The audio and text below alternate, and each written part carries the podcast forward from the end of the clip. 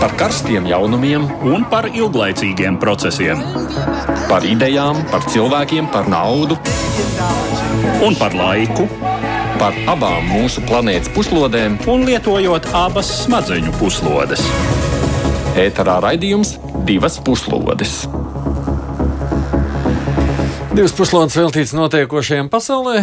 Aizsmeļamies Tamsons, Edvards Liniņš studijā. Edvards pēc atvaļinājuma noteikti ir labi atpūties, ir gatavs dalīties zināšanās, vai ne? Ir atpūties, jā. jā. Par ko tad šodien mēs runāsim? Runāsim par Baltkrieviju. Jau atkal tur pagājušās nedēļas laikā notikuši dažādi notikumi. Aleksandrs Lukašenko sestdien negaidīti ieradās cietumā, lai tiktos ar opozīcijas pārstāvjiem. Pēc tam gan sekoja vardarbīga protestu izdzenāšana un brīdinājumi turpmāk likt lietā pat kaujas ieročus.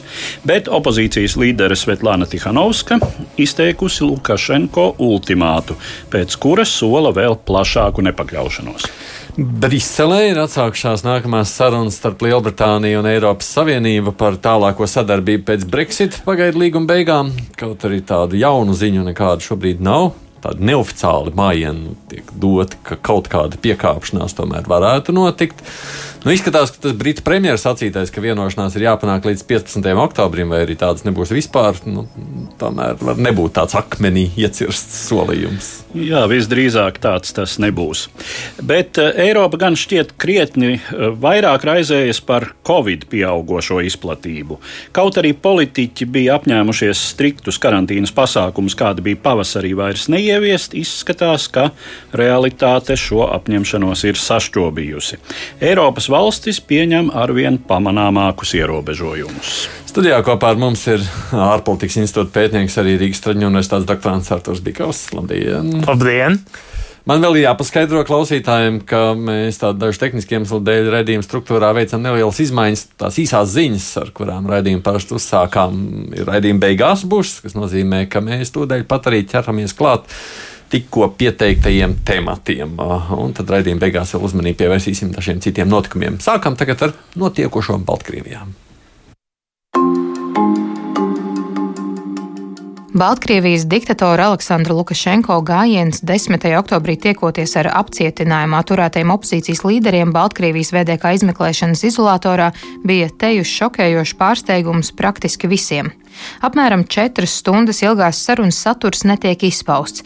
Atklātībā ļauts parādīties vien fotoattēliem un īsam, grūti saklausāmam līdera monologu fragmentam, kurā tiek piesaukta konstitūcijas reforma, kuru nevarot uzrakstīt uz ielas. Viens no konkrētajiem tikšanās rezultātiem izrādījusies atļauja opozicionāram Sergejam Tihanovskim sazvanīties ar sievu Svetlānu, pašreizējo Baltkrievijas opozīcijas redzamāko figūru, kura uzturas Lietuvā. Publiskotajā sarunas ieraksta fragmentā Tihanovskis izsaka aicinājumu būt skarbākiem attiecībā pret Lukašenko režīmu. Tikām kādu laiku nepiedzīvotu skarbumu no varas iestāžu puses, nu izbauda protestētāji Mīnskas ielās. Svētdien, kad protesta gājienos Minskā vien piedalījās ne mazākā 100 tūkstoši cilvēku, pret viņiem atkal tika laistas darbā gumijas lodes, apdulnošas granātas, steka un ūdensmetēji iekrāsot ūdeni. Tika aizturēti daudzi žurnālisti. Nākamajā dienā, kad Minskas ielās izgāja tā saucamā senioru marša dalībnieki, vecāka gadagājuma protestētāji, Baltkrievijas krimināla policijas priekšnieks Genādijs Kazakevičs, uzstājoties televīzijā, cits starpā paziņoja, ka varas pārstāvi vajadzības gadījumā gatavi izmantot arī letālus ieročus. Viņš izteicās, ka protestu apjoms noplūkot, taču tie kļūstot organizētāki un radikālāki. Ielās darbojoties kaujinieki, anarchisti un futbola fani. Tiek ziņots, ka pēdējās dienās dažviet Minskā uz ielu braucamās daļas tiešām aizdedzināti riepu krāvumi. Otradien Svetlāna Tihanovska nāca klajā ar opozīcijas koordinācijas padomus ultimātu diktatoram. Ja līdz 25. oktobrim Lukašenko nepaziņos par atkāpšanos, netiks uzsākta politieslodzīto atbrīvošana un pārtraukta vārdarbība pret protestētājiem, valstī tikšot uzsākts vispārējais streiks un ceļu bloķēšana. Par šo draudu īstenojamību gan pagaidām grūti spriest. Vispirms par Lukašenko cietumā. Nu, ne tā kā ieslodzītais, bet pagaidām ieslodzītajiem opozīcijas līderiem. Nu, man arī likās ļoti dīvaini ziņa. Kā lai to saprotu? Um, man arī šķiet, tas ir ļoti dīvaini, diezgan negaidīti. Tam es pilnīgi piekrītu. Es kaut ko tādu pirmo reizi redzu, un grūti iedomāties, ka kaut ko tādu varēja, pieņemsim, ieteikt viņam uh, Kremlis, tā teikt. Jā, tas noteikti nav kaut kas tāds, ko mēs varējām redzēt, teiksim, darīja Putins, piemēram, pirms tam, vai kāda cita augstākā pers augstāka sauna personas Krievijā. Līdz ar to to es noteikti noliektu. Šķiet, ka tas ir uh, viņa doma. Viņš noteikti to izrunāja ar saviem, ar saviem pietuvinātiem cilvēkiem un atnāca un izrunāja. No otras puses, es arī neuzskatu, ka tas bija baigi veiksmīgi no viņa puses, kaut vai tāpēc, ka citādāk mēs noteikti dzirdētu kaut kādus paziņojumus un mēsēģi no. Kaut kas mainītos. Pirmām kārtām, un otrām kārtām mēs dzirdētu kaut kādu mēsēģu, teiksim, no Babariko vai no citiem nozīmīgiem opozicionāriem, kuri bija iesaistīti šajā procesā. Ņemot vērā to, ka viņi neko nepateica, vēl jau vairāk ņemot vērā to, ka visdrīzāk, nu, tas šķiet, malas, ka Tehnovskis tur nav piedalījies. Tur ir viens cilvēks, kas tur esot piedalījies. Tur, tā, tur ir tā problēma, uzminēt. ka, jā, grūti uzminēt, kurš bija viens tās cilvēks, kurš, kurš ir piedalījies. Daži uzskata, ka tas ir Tehnovskis, daži uzskata, ka nē. Es arī slēdzos pie tā, ka viņš tur nav bijis, jo citādāk par to noteikti kaut ko, nu, Mēs būtu vairāk pārliecināti, ka tomēr viņš tur ir piedalījies. Jā? Bet noteikti nav piedalījies Marija Kalesnikova ja, kas, kas arī kaut kas tas, kas būtu jāpatur prātā.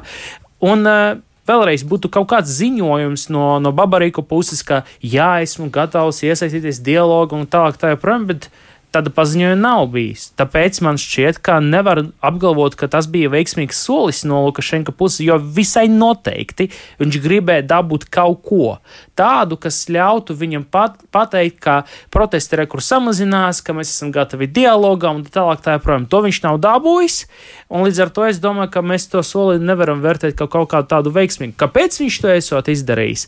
Vēlreiz es domāju, tāpēc, ka lai dabūtu kaut kādu apliecinājumu no opozicionāriem, lai dabūtu dabūt kaut kādu ziņojumu no viņiem, ka rekordprotesti samazinās, ka viņi ir gatavi dialogā. Tas, es domāju, bija viņa mērķis. Mm. Ko tu domā par šo? Jā, es arī domāju, ka tas ir tāds nu, solis neziņas situācijā, neziņas, ko darīt. Ka Lukašenko mēģina ar jebkādiem manevriem izkustināt šo situāciju no tā punkta, kurā, to, kurā tā šobrīd atrodas. Vienu brīdi šķita, ka protesti sāk pamazām noplakt. Tas tiešām eh, bija, ja atmiņa man nebija pirms kādām trīs nedēļām. Eh, bet uh, acīm redzami, jā, es domāju, ka Lukašenko gaidīja kādu pozitīvāku efektu no šīs slepenās inaugurācijas.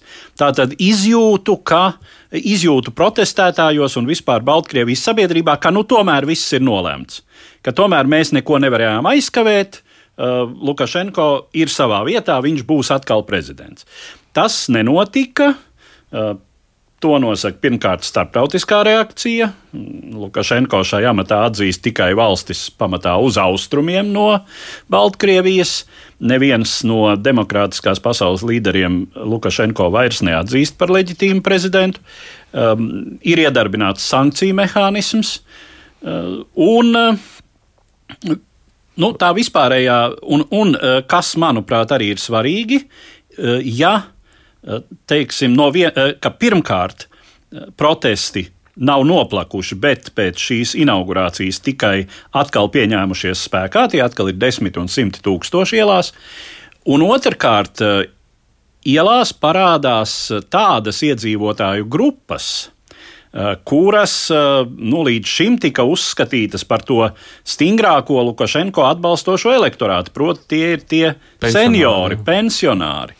Uh, kuri tiešām, nu, protams, mēs nevaram runāt par visiem, jā, jā, bet tur ir, tātad, ir daļa cilvēku, kura ietielās, un daļa cilvēku droši vien, kuri joprojām atbalsta Lukašenko. Bet pats tas fakts, ka var saorganizēt vairākus tūkstošus tieši šo veco cilvēku, un tas ir pietiekami efektīgi.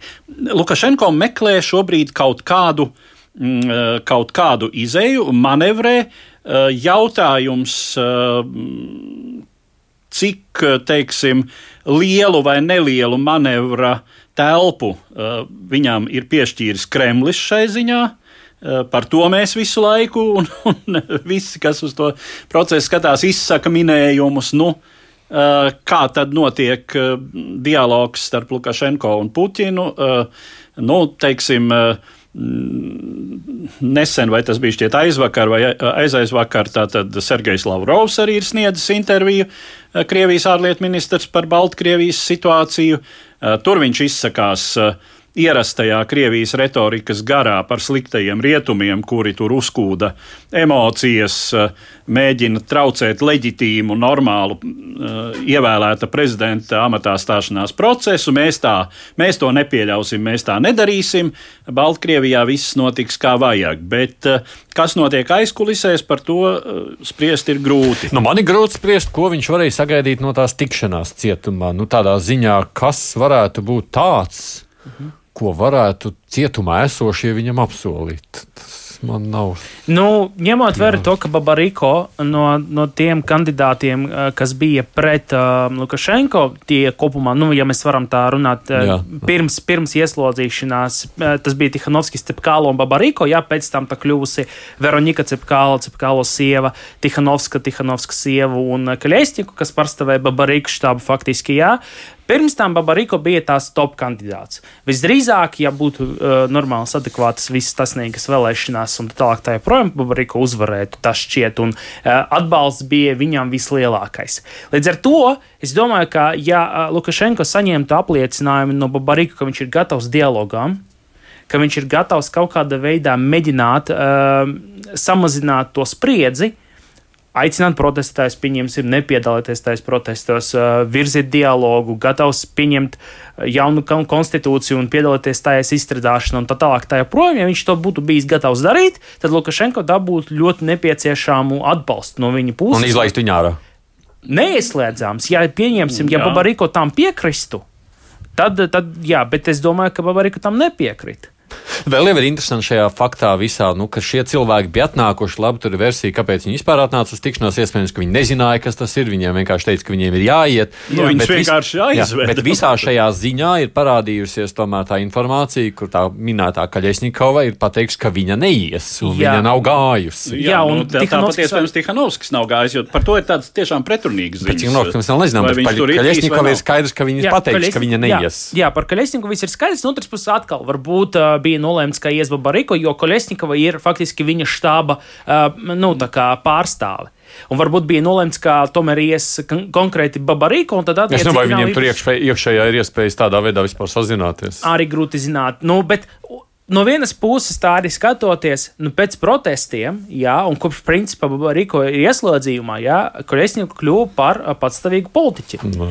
Un, ja viņa arī nav nolēmusi iet un piedalīties tajās sarunās, Pirms tam viņa arī nolēmusi palikt Baltkrievijā. Uh, tas ir tādi divi ļoti stipri gājieni politiskie, un uh, es domāju, ka tas arī palīdz viņai nedaudz paaugstināt savu politisko kapitālu, bez šaubām.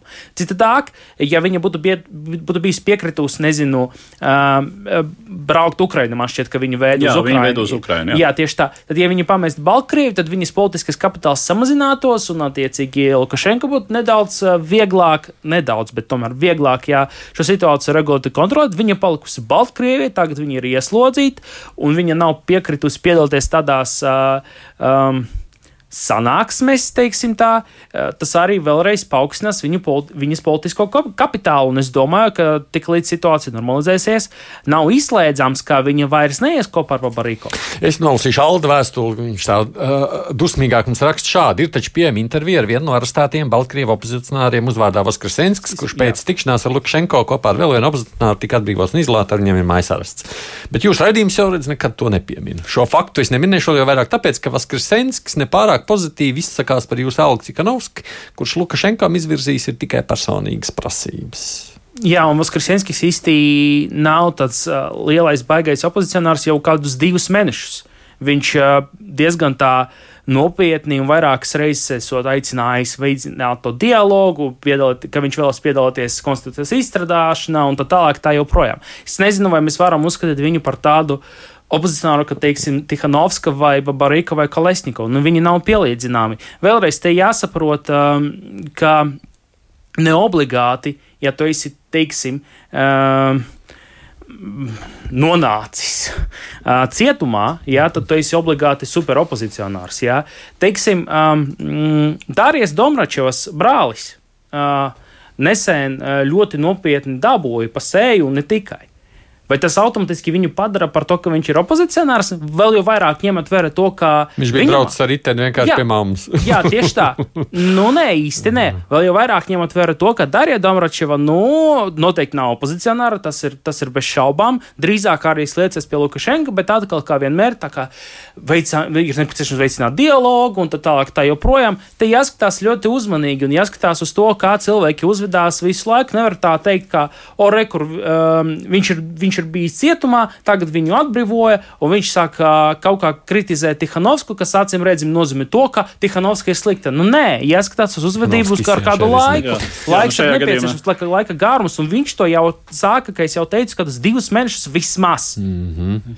Jā, nu šajā gadījumā, starp citu, jā, nevis uh, Tihanovski, jā, tad, tad, uh, un uh, tas, ka Tihanovskis tur ir izvirzījis, uh, ja viņš tur ir bijis tikai personiskas prasības, tad uh, Um, tas šajā gadījumā jau, nu, teiksim tā, jā. Uh, Vilhelms Munters, kad sēdēja padomju cietumā, 41. gadā arī uzrakstīja vēstuli, kurā pieprasīja, lai viņam izsniedz krustnagliņus un kanēli. Ja? Ko nozīmē tas? Bet, nē, nu, respektīvi, tas, ir, ka, tas nozīmē arī to, ka mēs nesarunājamies ar šo vadoni, ar šo cilvēku, proti, Lukašenko, par jebkādiem politiskiem risinājumiem. Ko nozīmē savukārt pēc šīs acīm redzam nepārāk veiksmīgās uh, cietuma apmeklēšanas, tālāk jau savukārt draudētais par uh, letālo ieroču izmantošanu, jeb, jeb īsto kaujas ieroču izmantošanu mm. pret protestētājiem? Es... Tas ir tāds, uh! Es stipri šaubos, ka tas tiks pielietots. Es domāju, ka tas ir vienkārši mēģināt. Uh, iebiedēt. Pa, jā, iebiedēt. Tieši nu, tā. Es, nu, varbūt jā. atkal wishful thinking, ja man vēlētos, lai viņi to nelietotu. Un, protams, man vēlētos, lai nekāda tādas letāla ieroči netiktu netikt pielietoti, bet visdrīzāk tā ir iebiedēšana. Es stipri šaubos, ka kaut kas tas būs darīts citādāk. Es nezinu, es domāju, ka protestētāji būs arvien niknāki un niknāki, un tas skaits tikai palielināsies. Un pretreakcija no protestētāju puses būs uh, milzīga. Vēl jau vairāk, atkal Eiropas Savienība noteikti reaģēs vēl asāk. Šī situācija, kas atkal pal, pa, pa, palīdzētu protestētājiem dabūt savu galveno mērķi.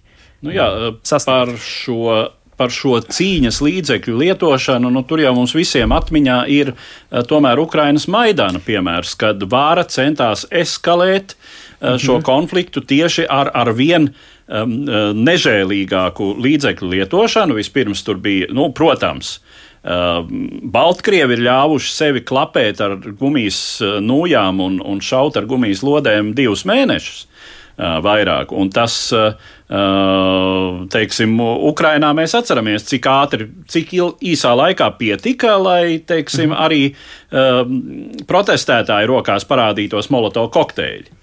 Un tad jau nu, tas ir jautājums, jā, molotovu kokteils vai, vai policijas šaujamierocis, kas ir bīstamāks. Jā. Bet es šeit arī būtu piesardzīgāks, jo kā savulaik bijušais Ukraiņas prezidents Kučmu uzrakstīja grāmatu, ka Ukraina nav Krievija tad tāpat es arī būtu piesardzīgs un pateiktu, ka Ukraina nav Baltkrievija, Baltkrievija nav Ukraina. Jā, un uh, Eiromaidāna gadījums, lai gan atkal es varu saredzēt tas paralēles, jā, un tīri teoretiski nav, mēs nevaram izslēgt, jā, ka tik līdz, ka es jau teicu, eskalācija no um, vāras puses būs, tad arī būs pretreakcija, bet ne obligāti, ka tāda pretreakcija būs tāpat, kā bija Eiromaidāna, jo kā kā, kā mēs atkal, manuprāt, par to vairākas reizes runājam tikai šeit, bet arī citur. Jā, Ukrainas politiskais stāvoklis ir absolūti citādāks. Tur sen bija opozīcija, ļoti labi izstrādātas struktūras, jā, viņi zināja, kā rīkoties, un tās opozīcijas grupas bija vairākas. Par Baltkrieviju runājot, nu, par kādu opozīciju mēs te varam runāt, ja 26 gadu laikā uh, Lukašenko izdarījis visu, lai tā opozīcija vispār neeksistētu, un tagad tā opozīcija mūsu acīs faktiski veidojās. Jā, divu mēnešu, trīs mēnešu laikā. Un uh, man grūti, man grūti pārliecinoši apgalvot, ka būs situācija tāpat, kā bija Eiromaidānā. Nē, nē, droši vien, ka tāda, tieši tāda, tās ir pat, es teiktu, ka droši vien līdzīga tā diezinu vai būs. Es teiktu, šis brīdinājums par uh, kaujas ieroču lietošanu uh, ir uh, teiksim, vērā ņemams tajā brīdī, ja, nu, ja tiešām būs kaut kas nopietnāks, kā dažas, dažas nu, čupas ar degošām riepām. Jo nu, šobrīd tas, ko video kadros var redzēt, nu, jā, nu, tur mm, vienā vai divās vietās ir sakrauts šīs čupas, jā, it kā ir apkārt jauni vīrieši zināmā skaitā. Bet um, tas viss arī pagaidām ir, nu, salīdzinot ar to pašu Eiromaidānu, pietiekami nevainīgi. Ja uh, no protestētāju puses nebūs pēkšņi eh, kādas eh, vardarbīgas protesta formas, tad es teiktu, ka, protams, arī varas pārstāvi nelietos šaujamieročus, jo, jo nu, tas ir arī tas ir ļoti konkrēts psiholoģisks slieksnis, uh, nopietnas asinis. Viena lieta ir, ka viens cilvēks ir gājis bojā uh, trokšņa granātas sprādzienās sev līdzās. Protams, traģiski, bet to var uzskatīt zināmā mērā par nelaimes gadījumu. Trokšņa granātai vispār nevajadzētu nogalināt cilvēku. Uh, bet uh, Nu, otra lieta, ja tev šauj, ja šauj ar kaujas munīciju un izlīst asinis, uh, nu tad, ne, nu tad tā ir situācija, kad jau vairs nevar būt īsti runa par Lukašenko kaut kādu arī aiziešanu, nu, daudz maz viņam normāli, teiksim, ar, ar tiesiskās neaizskaramības garantijām, mm -hmm. ar tiesībām emigrēt no valsts un, un kādreiz tālāk, varbūt tur atgriezties un tā tālāk. Un tā, tad, uh, mainām plati. Jā. Tāpēc, es vēl būtu jautājis par Cikanovskas izteiktu ultimātu Lukašenko, bet pagaidīsim, ka tas brīdis pienāks, tad raidījumā par to runāsim, Jā. bet mums ir vēl daži temati, ko jāpārunā. Atgriežamies pie jautājuma par Brexit un vispirms faktu apkopojums.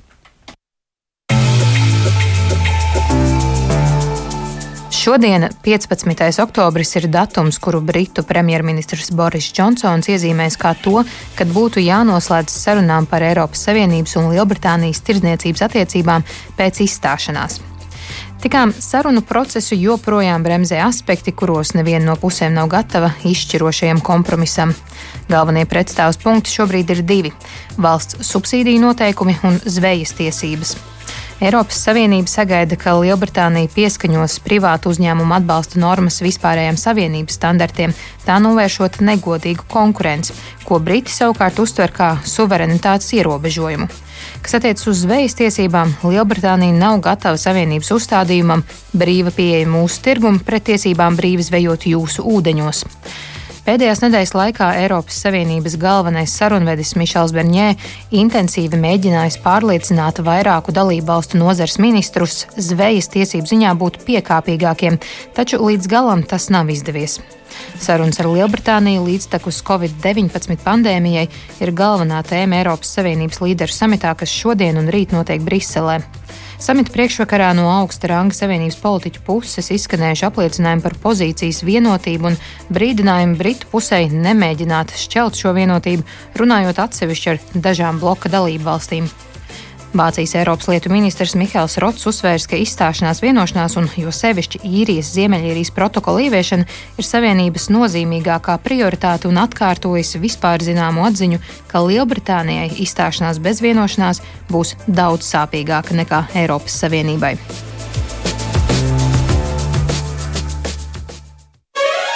Divas puslodes! Atgādinu, kopā ar mums studijā šeit ārpolitikas institūta pētnieks Arturs Vikaus un arī mēs ar Eduardu Liniņu. Tiešām tā Britiem bezvienošanās izstāšanās ir sāpīgāka nekā Eiropas Savienībai? Nu, es domāju, gan ievērojot tirdzniecības apgrozījuma proporcijas. Nu, te jau saka, ka Covid dēļ varbūt tā situācija esat mainījies. Uh, es domāju, ka es, man vispār šķiet, ka, un uz to arī norāda gan ekonomiskie, nu, jā, pirmkārt, arī ekonomiskie rādītāji, ka vispār Brexit nav īpaši izdevīgs. Nu, nevienam, nevienam. Nu, tas ir skaidrs. Jā, jā bet uh, es domāju, ka atkal, ja mēs skatāmies uz mērogu, nu, mums ir Eiropas Savienības ekonomika, nu, tagad bez Lielbritānijas apmēram 17 triljonu eiro, un tur ir Lielbritānija blakus, kuras ekonomika ir nu, vismaz desmit reizes mazāka. Tad viņiem vajadzētu vairāk, vai ne? Nu, jā, tāpēc arī teiktu, ka Lielbritānija no tā cieši bišķiņ vairāk nekā Eiropas Savienība. Un tad, tad, tad Britiem vajadzētu būt ieinteresētākiem šo līgumu noslēgt. Nu, par to, ka viņiem vajadzētu, mēs runājam jau vairākus gadus. Jautājums ir, kāpēc um, joprojām cik mums ir atlikuši divi ar pus mēneši jā, līdz uh, kritiskajam brīdim, kad vai nu kaut kāda vienošanās, vai tad nu beidzot tiešām izstāšanās bez vienošanās. Ar visu no tā izrietošo, kāpēc mēs joprojām par to runājam šādā veidā gramatiskajā formā. Jā, Lielbritānijai vajadzētu Vajad. būt. Nu, kāpēc es to saku? Tāpēc, ka mēs pirms raidījuma sazvanījām arī ārpolitikas institūta vēl vienu pētnieku Alda Austeru, kurš, uh, uh, ko viņš domā par šīm sarunām un iespēju noslēgt to vienošanos. Viņš ir diezgan optimistiski noskaņots, un viņš domā, ka īstenībā šī vienošanās šobrīd ir vairāk vajadzīga Eiropas Savienībai, nevis Britiem paklausāmies. Es domāju, ka vienošanās tiks panākta, jo gan Eiropas kontinentālās Eiropas un Lielbritānijas ekonomikas jau šobrīd ir ļoti cietuši no koronakrīzes. Un atļauties vēl, vēl vienu neveiksmi, tas, tas būtu pārāk uh, dārga cena. Uh, laiks, ir, laiks ir vēl vienoties, jo jāatcerās, ka šis termiņš, uh, 15. oktobris, bija tas, ko bija nospraudis uh, Lielbritānijas premjerministrs Boris Džonsons. Taču tehniski sarunas vēl var turpināties, un uh, ir iespējams arī vienoties un pat ratificēt vienošanos ar vēlākā termiņā. Nu, līdz gada beigām, protams. Līdz gada beigām, protams, jā. Un kurš tad varētu piekāpties? Abas puses piekāpties, gan viena, gan otra kaut kādās lietās. Nu, jāsaka, šobrīd izstāsta, ka tieši Eiropas Savienības puse ir, ir vislielākais čērslis, lai panāktu rezultātu. Tā problēma Eiropas pusē ir tā, ka, nu, diemžēl, jā, šī Covid krīze ir mainījusi spēles noteikumus, un līdz ar to Lielbritānijai ekonomiskās attiecības ar Eiropu vairs nav tik nozīmīgas kā agrāk. Protams, viņas ir nozīmīgas, un Eiropas Savienība ir joprojām lielākais tirdzniecības partners Lielbritānijai. Taču šī atsaistīšanās jau lielā mērā ir notikusi pateicoties šai krīzei. Līdz ar to arī Eiropas Savienības um, uzstādījumi par tiem pašiem vienlīdzīgiem valsts atbalsta noteikumiem uzņēmumiem tiesībām Eiropas Savienībā turpmāk ietekmēt Lielbritānijas noteikumus, nu, neīstenosies. Un arī otrs kuteklīgais jautājums ir Eiropas Savienības piekļuva Lielbritānijas teritoriālajiem ūdeņiem, tātad zvejai. Nu, arī šis jautājums šķiet, kaut arī šķietami ir būtisks, īpaši no Francijas viedokļa, tomēr tas nav tik būtisks jautājums, lai, lai šī, šīs lietas dēļ pakļautu riskam kopējās attiecības starp Eiropas Savienību un Lielbritāniju. Tad šajās divās lietās Eiropa varētu nākt pretī un sacīt, nu, ok. Principā jau pirmajā lietā attiecībā uz valsts atbalstu politiku šeit jau ir vērojama piekāpšanās no Eiropas Savienības puses. Būt šobrīd lielākā problēma ir tieši Francijas prasība, lai tiktu nodrošināta Eiropas flotei piekļuve Lielbritānijas ūdeņiem neierobežotā termiņā. Nu, te ir šobrīd lielākais klupšanas akmens. Nu, bet tas ir lielā mērā atkarīgs no Francijas nostājas, vai ne tā? Ne, nu, Francija ir uh, līdz šim ļoti uzstājusi, lai šī piekļuve būtu neierobežota, kam savukārt pretos Lielbritānija. Nu, jā, Francija ir tiesības nobloķēt šo vienošanos, ja um, Lielbritānija nepiekāpjas. Bet, ja Lielbritānija nepiekāpsies, Francija nobloķēs, tad, tad būs strupceļš šīm sarunām. Bet nu, es domāju, ka kopumā veselais saprāts uzvarēs, uh, pragmatisms uzvarēs šajās sarunās, jo abas puses jau saprot vienlīdz labi arī, tik liels, ja kādas tik smagas sekas būs, ja nevienosies jau šobrīd tā grūtajā ekonomiskajā situācijā. Nu, Tālāk, Austers, ko jūs sakāt? Viņš saka, vispār, jā, ka nu, Eiropas situācija šobrīd ir Covid dēļ sliktāka, un Britiem jau, jau ir pielāgojušies. Nu, tas, uh, es, es teiksim, uh, Tu esi skeptiskāks par šo? Būtu skeptiskāks, lai gan mans spriedums ir visnotaļ arī provizorisks. Es neesmu pētījis jaunākos, pašus jaunākos ekonomikas dinamikas rādītājus, bet manuprāt, tie ir vien, Covid ietekme ir bijusi vienlīdz negatīva gan Eiropai, gan Lielbritānijai. Um, nu, te drīzāk patiešām šobrīd ir nevis ekonomiski, bet politiski apsvērumi. Jo arī Francijas uzstājība zvejas tiesību jautājumā tas nav gluži ekonomiski. Nu, jā, zvejnieki nepiekritīs, ka tas nav nu, tur, tur ir tā lieta, ka zvejnie, zvejnieki ir ne tik daudz ekonomiski ļoti nozīmīgs. Tas ir nozīmīgs Francijas ekonomikas sektors, bet nu, tie ir tomēr ne desmiti procenti, tie ir daži procenti.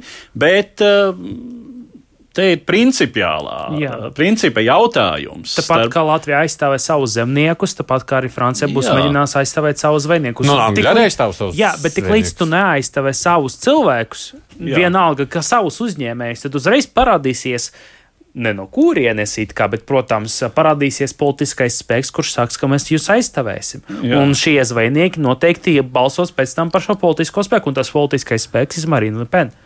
Tieši tā. Uh, un uh, tāpēc uh, jautājums ir prezidenta Makrona politiskā pozīcija paša valstī un arī tā loma, ko Makrons mēģina spēlēt Eiropā. Un tā pozicionēšanās Makrons mēģina sevi pozicionēt, un viņam ir zināms potenciāls, diezgan nopietns potenciāls šai ziņā, kā ārpolitiski aktīvākas, ģeopolitiski daudz aktīvākas Eiropas uh, līderi. Uh, jo te ir jāsaprot, uh, Vācija ir, ir ekonomiskais dzinējs Eiropā, taču ievērojot Vācijas pēckara aizsardzības un starptautisko politiku, Vācija nekad nav pretendējusi kļūt par Eiropas līderi eh, drošības eh, jautājumos un militāros jautājumos. Aizejot Lielbritānijai, šī loma diezgan izteikti piekrīt Francijai.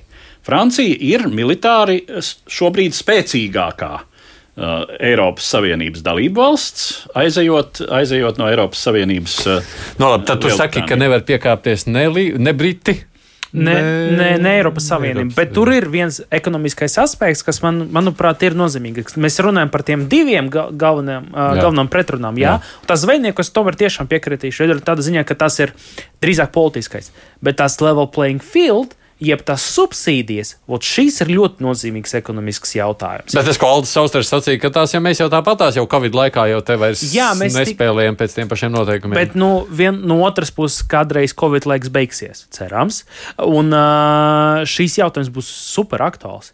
Un, atrast, un es domāju, ka nec Vācija, nec arī Francija, nec arī citas uh, Eiropas Savienības lielvalstīs nevēlētos sevi atrast situācijā, kad Lielbritānija subsidē, lai gan atkal diezgan grūti iedomāties, kā konservatori subsīdēs vietējos uzņēmumus, bet no otras puses, ja tie vietējie uzņēmumi pierādīs, ka tās subsīdijas ļaus viņam dominēt Eiropas, Eiropas tirgu, un vēlreiz tas ir milzīgs tirgus, jā, uh, tad uh, es, ne, es nedomāju, ka, tas, ka vietējie uzņēmumi vēl tas sevi atrast situācijā, ka viņi zaudēs konkurence Lielbritānijas uzņēmumiem. Tad jūs liel... sakāt, ka tikai Briti var atļauties šeit piekāpties, Eiropa nevar? Nē, nē, Eiropa, kā, es, kā tas arī ievada tekstā tika minēts, nu Barņē šobrīd ļoti cītīgi runā ar. Zviedrijas, Jā. Dānijas, Nīderlandes, Spānijas un arī, protams, Francijas uh, jūras uh, un uh, vai, vai nu kur kāda nu ministrija tur nodarbojas. Dažiem ir zivsaimniecības ministri. Jā, runājot par, par šiem zvejniecības jautājumiem, tur gan tieši Barņiekungs mēģina panākt elastīgāku Eiropas pozīciju. Jā. Eh, jo nu, viņa prāta, un droši vien viņam ir taisnība, tā faktiskā piekāpšanās no Eiropas puses nebūs Eiropai nebūtu tik sāpīga. Un tur ir arī, nu, arī Briti, teiksim, izsaka tur dažādas eh, tehnisku, tā argumentācija lielā mērā ir tehniski saistīta ar zivju migrācijas Jā. ceļiem. Bet tas nozīmē, ka nu, no tādas domas varbūt par zivīm varētu piekāpties Eiropa, un savukārt par šo tad Jā. būs jāpiekāpjas Britiem. Va, atkal, nu, grūti spriest. Varbūt tā būs kā. Te vēlreiz viena ļoti būtiska lieta, kā mums šķiet, uh, būtu nepieciešams darīt, lai visiem būtu izdevīgi, un tā, kā kuram izdosies pierunāt. Jo vēlreiz, nu, teiksim, nav izslēdzams, ka uh, tie politiski apsvērumi, kāda ir Eiropas Savienība, vai, teiksim, ekonomiski apsvērumi, kas ir Lielbritānija. Mēs nezinām, kas tomēr uzvarēs. Nu, politiski apsvērumi, Eiropas Savienība, domas par to, ka tev būtu nepieciešams pierunāt visas 27 valstīs, lai viņi panāktu to un vienotos, un, un visas būtu apmierinātas, tad varbūt tiešām tas ir daudz grūtāk panākt nekā, nekā Lielbritānija uzvarēt. Te ir, te ir klasisks jautājums par to, ne, nevis kas ir izdevīgs. Mm -hmm. Abām pusēm, bet uh, kas ir panākams? Nu, labi, uz šo pabeidzot, tevis neprasīšu, jo mēs vēl par Brexitu ar tevi runāsim, Noteikti, bet Arturams gan paprasīšu, -hmm. un tad uh, prognoze kāda oh. vienosies vai nē? kam man, kam man ļoti nepatīk? Liekam procentus, liekam procentus. Uz konjaku. Liekam jā, procentus. Jā. Uh, kam man nepatīk sniegt prognozes, uh, jo Tas ir ļoti grūti. Loģika, es, loģika liek domāt, kā, kā tomēr vienosies. Jā, ne, bet, domāt, bet es nedomāju, ka, ka obligāti tagad. Jā. ka 16. viņi izies un pateiks, Jā. ka viss. Deal is done. 29. decembrī. Nu, ne, drīzāk te, te, runāja piemēram par to, ka 15. novembrī, kad būs vēl viens samīts. Uz Latvijas vienoties. valsts svētkiem. Jā, būtu, būtu ja mūsu, mūsu patriotiskajā nedēļā. Es tā, es tā prognozēju. Jā, būtu labi. Ja vai gatavo raidījumu 18. novembrim, mums par šo būs jārunā. Tas tev zināšanai. Pēc 18. Jā. Nu, labi, mums ir par Covid, mēs šeit pieminējāmies, un par Covid mums un tā ietekmi vēl vajag parunāt arī atsevišķi. Pēc zināma atslābuma vasarā rudeni Eiropā sagaidām ar jaunu Covid-19 izplatības vilni. Ne tikai Latvijā, bet arī citvieta mūsu platuma grādos sasniegti jauni dienā atklāto infekciju rekordi. Vācijas un arī citu valstu veselības eksperti norāda, ka pie infekcijas uzliesmojuma vainojami cilvēki, kas neievēro distanci un nemazgā rokas. Līdz ar jauno infekcijas izplatības vilni nāk arī jauni ierobežojumi. Vakar Portugālē uz 15 dienām izsludināja ārkārtējo situāciju valstī ar pulcēšanās ierobežojumiem, obligātu masku nēsāšanu, kā arī mobilās lietotnes stejuvei Covid lietošanu, atrodoties ārpus mājām. Francijā no sestdienas stāsies spēkā jauns ārkārtējais stāvoklis, kā arī tiek izsludināta komandanta stunda no 9 vakarā līdz 6 rītā Parīzē un vēl 8 Francijas pilsētās. Čehija paziņoja, ka ņemot vērā rekorda augstos rādītājus un to, ka valstī inficēto skaits oktobra laikā ir dubultojies, Prāgā būvēs lauku slimnīcas ar 500 gultas vietām. Arī Polijā domā par lauku slimnīcām, kā arī strādā pie ātrākā medicīnas māsu apmācībām. Spānija uz 15 dienām ir slēgusi bārus un restorānus Katalonijas reģionā. Arī Vācijā stājas spēkā jauni pulcēšanās ierobežojumi, kā arī reģionos, kur inficēto skaits pārsniedz 35 uz 100 tūkstošu iedzīvotājiem, obligātas būs maskas visās vietās, kur nav iespējams ievērot distanci. Ziemeļīrijā uz četrām nedēļām slēgti krogi un restorāni, kā arī uz divām nedēļām slēgtas skolas. Stingri ierobežojumi ir spēkā arī vairākos Anglijas un Velsas reģionos.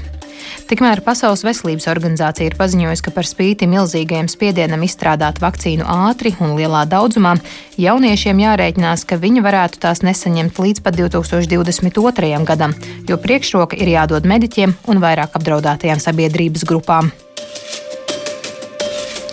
Tad jau studijā bija ārlietu ministrs Edgars Falks. Viņš sacīja, ka politiķi Eiropā nav gatavi atgriezties pie tiem stingriem ierobežojumiem, kas tur bija pavasarī. Proti, cilvēki tam vairs neļaušoties. Un tomēr izskatās, ka tie ierobežojumi kļūst ar vien stingrāk. Tā realitāte ir tā sliktāka nekā visi gaidīja. Mm, es neteiktu, ka, ka sliktāk. Es domāju, ka par to, ka būs otrais vilnis, man šķiet, runāja gandrīz visi zinātnieki. Jā. Uh, turklāt, kas ir ļoti būtisks, ja un kāpēc mēs redzam to, kā palielinājās tas, uh, tas skaits, ir tas, ka mēs arī vairāk testējam kas arī ir kaut kas tāds, kas jāpatur prātā. Ja mēs vairāk testējam, un tā iemesla pēc, protams, mēs arī atradīsim vairāk. Jā. Bet īpatsvars ir mazāks. Tā iemesla pēc, ka atkal mēs vairāk testējam, bet īpatsvars ir mazāks nekā bija pirms tam. Īpatsvars kam? Uh, tam, ka, nu, ka mēs redzam, ka cilvēks ir slims ar covid. Nu, tā tā, tā nopietnā sadaļa. Ja? Jā, nu, kā to lai teiktu, ja teiksim, pirms tam es ļoti, ļoti nosacīti jāsāku. Tagad mēs testējam, teiksim, desmit tūkstošus, jā, Es nesaku par Latviju, es tīri jā, teoretizēju. Jā, jā, jā. Mēs, te, mēs testējam 10,000, mēs te atrādām, nu, teiksim, 1,000. Tagad mēs testējam 20,000, bet nevis 2,000 atrādām, tā kā bija 10%, 1,500. Tas īpatsvars à, ir samazinājies, ziņā, jā, tādā ziņā. Un tas ir atkal, no vienas puses mēs te redzam, wow, cik daudz. Bet no otras puses mums jāpaturprātā, ka tas īpatsvars ir samazinājies, mēs testējam vairāk, un kā, kas ir vēl daudz, daudz labāk, visas valstis ir gatavas, nu, ja mēs runājam par Eiropas Savienību kopumā, jā, gan arī visas valstis ir gatavas labāk. Mēs varam, mums ir, mums ir resursi, mums ir tagad pieredze, mm -hmm. un tā tālāk, tā, protams, tas arī ļauj mazināt to, to ne tikai slodzi uz darbiniekiem, bet arī mazināt nāves gadījumus. Tad ziņā, ka mēs esam gatavi tam vairāk, labāk, un tā tālāk, tā joprojām. Bet, uh, No otras puses, neizslēdzams, ka tas otrais vilnis arī būs uh, nopietnāks. Tā iemesla pēc, kā arī mainās. Um, Tā, tā iemesla pēc, ka tas ir tomēr cits laiks, jā, rudenī mēs mēdzam pavadīt vairāk laiku mājās nekā, piemēram, pavasarī, kas arī tikai veicinās to visu. Turklāt um, neobligāti, ka cilvēki šā, tagad būs um, vairāk gatavi ņemt vērā visus ierobežojumus, jo nogurums ir. To mēs arī varam redzēt Latvijā. Un uh, citas valstīs vēl jau vairāk. Tā, teiksim, dažas valstīs, kuri tie ierobežojumi bija striktāki nekā Latvijā pavasarī, jā, tas noteikti tas nogurums būtu vēl augstāks. Un ja viņi būs spējīgi novērot visus tos ierobežojumus, arī ir jautājums. Un tā iemesla pēc varbūt arī tā gadīties, ka otrais vilnis tomēr būtu pats sliktāks nekā pirmais, bet cerēsim, ka tā nebūs. Nu, un cik daudz Eiropas ekonomika var pavilkt? Nu, ja mēs vēl kādu gadu šādā veidā turpinām, kā līdz šim pēdējā laikā? Nu, uz to protams, es domāju, ir, ir visai grūti atbildēt, jo šķiet, ka arī tie ekonomikas uh, bremzēšanās rādītāji dažādās valstīs ir dažādi, un tur iedarbojas eh, dažādi apstākļi. Eh, būtiskākais droši vien atkal šeit nav tas precīzais rādītājs, eh, kuru varētu attiecināt uz cik ekonomika var pavilkt, bet gan tas, cik ar kādu ekonomikas apsīkumu ir gatavi samierināties. Um, uh, gatava samierināties sabiedrība tajā vai citā Eiropas valstī. Uh, kāds ir tas fons? Droši vien šai ziņā um, vislielākās problēmas būs tām valstīm, kuras um, ekonomiski jau ir bijušas sliktākā situācijā, proti, tā ir pamatā uh, vidusjūras zona, um, Itālija, um, Pireneja pussala. Uh, respektīvi Spānija. Nu, jautājums arī, teiksim, kā šai ziņā ir ar Ungāriju, Rumāniju. Nu, arī, protams, mēs zinām, ka Latvijā nekāda saulainā tā aina nav. Bet šeit jau izšķirošais būs tas, nu, un droši vien dažu vietu, dažu vietu kaut ko šo ierobežojumu stingrībā noteiks tas, cik tuvu vai tālu ir vēlēšanas. Jā, bet tas ļauj tās varētu sarīkot. Tas ļauj noskaņojums ir būtiska lieta. Tur jau ir sacīja, bet nu, tad, cik, nu, kur ir tā robeža, cik daudz politiķis ir spiests nezinu, reaģēt tā, kā viņš mm. nedomā, tāpēc, ka nu, cilvēki saka. Tas ir atkarīgs no valsts un tās politiskas kultūras, kurā, kādas, kādas ir tā, tajās valstīs un kāda ir tā sabiedrības reakcija. Nu, mēs nu, būtu, būtu diezgan dīvaini pielīdzināt, teiksim, Latviju un Spāniju, vai pielīdzināt Vāciju un Grieķiju, vai pielīdzināt uh, Zviedriju un Itāliju. Nu, tur, ir, tā, tur ir citas sabiedrības un cita politiska kultūra.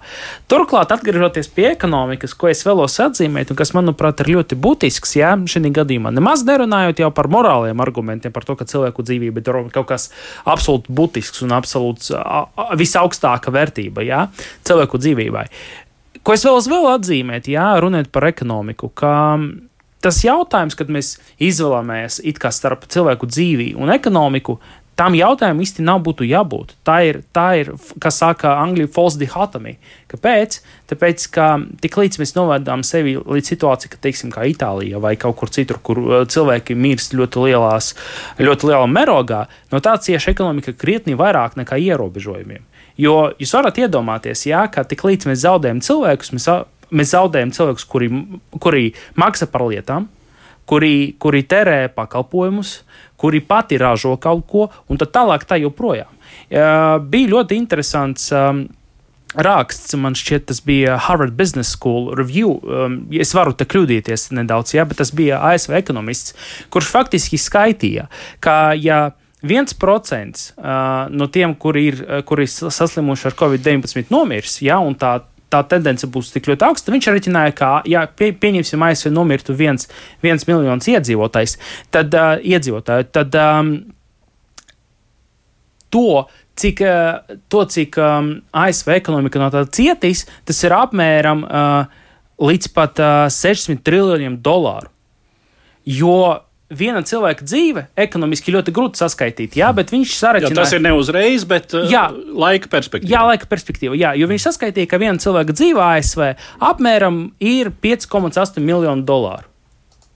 Hm. Cik un, šis cilvēks ienes jā, iekšzemes koproduktā? Tieši tā, protams, tieši tā, tieši tā. Protams, protams, katra valsts tā teikt, ja mēs būsim ļoti cīniski un mēģināsim saskaitīt cilvēku dzīvību tādu tīri tā kā naudas ziņā, tas atšķirsies. Protams, jā, ASV varbūt tas ir bijis augstāk, kaut kur citur bijis mazāk vai augstāk. Jā. Bet fakts, ka tāds, cik, tik līdz mēs sāksim tā reiķināt, ka, nu labi, Štrunts ar tiem ierobežojumiem, ja ļausim tiem cilvēkiem nomirt, nu, lai viņi nomirtu, bet galvenais, ka ekonomika strādās. Nē, Jo mēs sevi varēsim atrast situācijā, kad cilvēki, kuri, kā jau sāku, ja, mm -hmm. viņi, pērk, viņi kaut ko pērk, viņi ražo pakalpojumus, viņi tērē pakalpojumus un dara visādu darbu.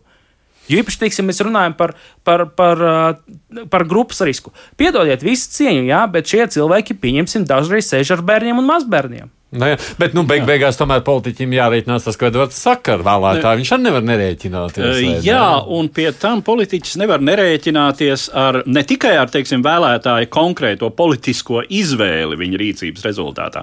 Šajā brīdī, jāsaka, un, un te jau arī kolēģis visnotaļ pareizi piesauca sabiedrības kultūrā, politiskās kultūras, politiskās tradīcijas nozīmi. Lieta ir tāda, ka, nu, Te iedarbojas tādi diezgan arhaiski mehānismi, eh, kuri šādu dabas radītu kataklizmu gadījumā neizbēgami destabilizē sabiedrības. Eh, parādās eh, tendences, kuras labos laikos neizpaužas.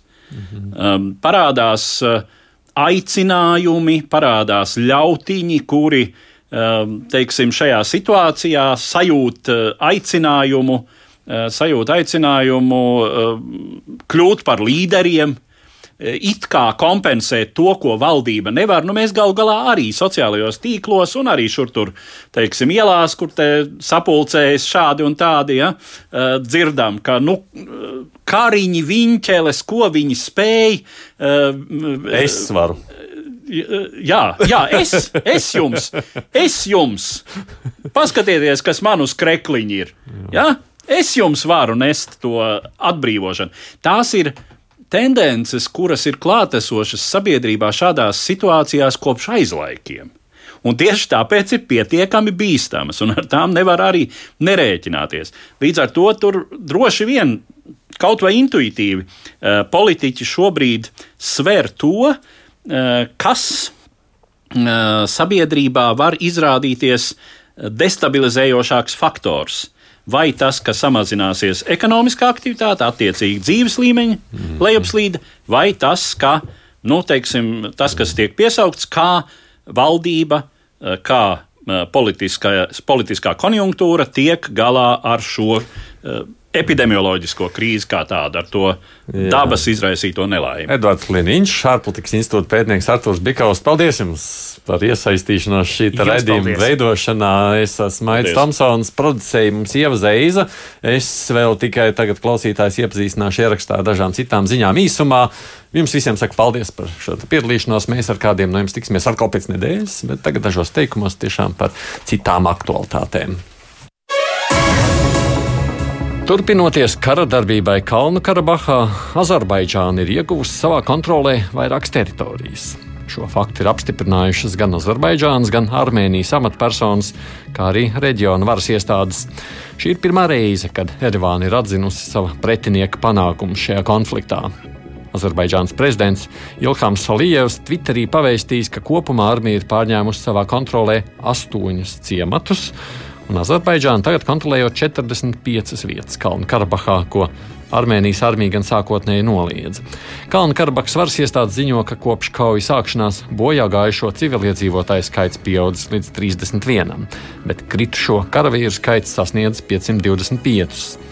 Azerbaidžāna neatklāja, cik karavīri krituši tās pusē, bet paziņoja, ka bojā gājuši 43 civiliedzīvotāji. Kirgistānas prezidents Soronbaišs Dženbekovs šodien paziņoja par demisiju. Līdz ar to valstī notikušas kārtējās pārmaiņas. Es neturos pie varas, es nevēlos palikt Kirgistānas vēsturē kā prezidents, kurš pieļāva asins izliešanu un savu tautiešu šaušanu, tā teikts viņa biroja publicētā paziņojumā. Parlaments trešdien premjerministra amatā apstiprināja pagājušās nedēļas pēcvēlēšanu protestu gaitā no cietuma atbrīvoto opozīcijas partijas līderi Sadiru Džapārovu. Par jauno premjeru balsoja visa jaunā koalīcija. Prezidents Čēns Bekaus jau iepriekš solīja, ka pēc premjera apstiprināšanas viņš atkāpsies no amata, Tomēr vēlāk pārdomāja un teica, ka to darīs vien pēc vēlēšanām. Pēdējās dienās šķita, ka prezidentam izdodas atgūt kontroli. Par vienu šādu pazīmi tika uzskatīta eksprezidenta Atambājeva atkārtotā aizturēšana. Savukārt otrdien parlaments spīkera amatā apstiprināja prezidentam tuvas partijas cilvēku, ļaujot domāt, ka ar Čapāro panākts kompromiss. Tomēr premjerministrs vakar sacīja, ka viņš pieprasa prezidentam atkāpties nekavējoties. Un, acīm redzot, prezidentam nācās šim ultimātam piekāpties. Eiropas Savienība ir ieviesusi sankcijas pret Krievijas sešām amatpersonām, kā arī vienu organizāciju saistībā ar opozicionāru Aleksēju Navainijas aindēšanu. Vienošanās tika panākta vēl pirmdien vēstnieku sanāksmē, taču stājās spēkā sākot no šodienas. Visi seši sankcionētie ir drošības struktūra amatpersonas, bet minētā organizācija ir Valsts Organiskās ķīmijas un tehnoloģijas zinātniskās izpētes institūts, kurš vēl padomju laikā izstrādāja Indi Novičoku. Sankcijas nozīmē aktīvu iesaldēšanu un ceļošanas aizliegumus. Turpinoties neskaidrībai ap Brexit, arvien pārliecinošāks kļūst Skotijas separātismu tendences. Atbalsts Skotijas neatkarībai sasniedz rekordaugstu līmeni, un šobrīd atdalīšanos no apvienotās karalistes atbalsta 58% vēlētāju. Tā liecina trešdien publicētie aptaujas rezultāti. Iegūtie dati rāda, ka tikai 42% respondentu ir atbalstījuši palikšanu Lielbritānijas sastāvā. Aptaujas liecina arī par spēcīgu atbalstu Skotu Nacionālajai partijai, kuras līderi Nikola Stērģena, kas ieņem Skotijas premjerministra amatu, bauda plašu sabiedrības atzinību par veidu, kādā reģiona valdība cīnās ar Covid-19 pandēmiju. 72% skotu ir apmierināti ar Stērģenes veikumu. Šobrīd partija cīnās par vēl viena neatkarības referenduma sarīkošanu, ko Britu premjerministrs nav gatavs pieļaut. Londona apzinās, ka tas var nozīmēt Lielbritānijas sadalīšanos, un to valdība noteikti nevēlas piedzīvot. Lai arī prezidenta privātā dzīve parasti tiek sargāta, bieži vien to neizdodas nosargāt. Īpaši ASV, kur kāda no prezidenta komandas bieži vien pārkāpj noteikumus un izstāsta gribošajai publikai to, kas it tādi netiek izpaustas. Šajās dienās, piemēram, uzzinājām, ka starp Trumpa sievu Melāniju un prezidenta meitu no pirmās laulības Ivanku un Ivankas vīru Džaredu Kušneru izveidojusies asa sāncensība. Pirmā lēdija Ivankas ģimene saukus par čūskām. Tas kļūst zināms pēc tam, kad Melānijas palīdz Stefānija Vinstone Volkova laidus klajā grāmatu Melānija un es. Tieslietu ministrija nu ir iesniegusi prasību tiesā pret bijušo palīdzi. Kā norāda ministrija, līgumā, kurš Stefānija bija noslēgusi, bija noteikts, ka viņai aizliegts ir publicēt, reproducēt vai kā savādāk izpaust informāciju, kā arī gūt peļņu no tā, ko viņa ir uzzinājusi Baltijā namā, bez Baltā nama jurista apstiprinājuma. Prasībā ministrija vēlas atgūt visu peļņu, ko Volkova ieguvusi no grāmatas izdošanas.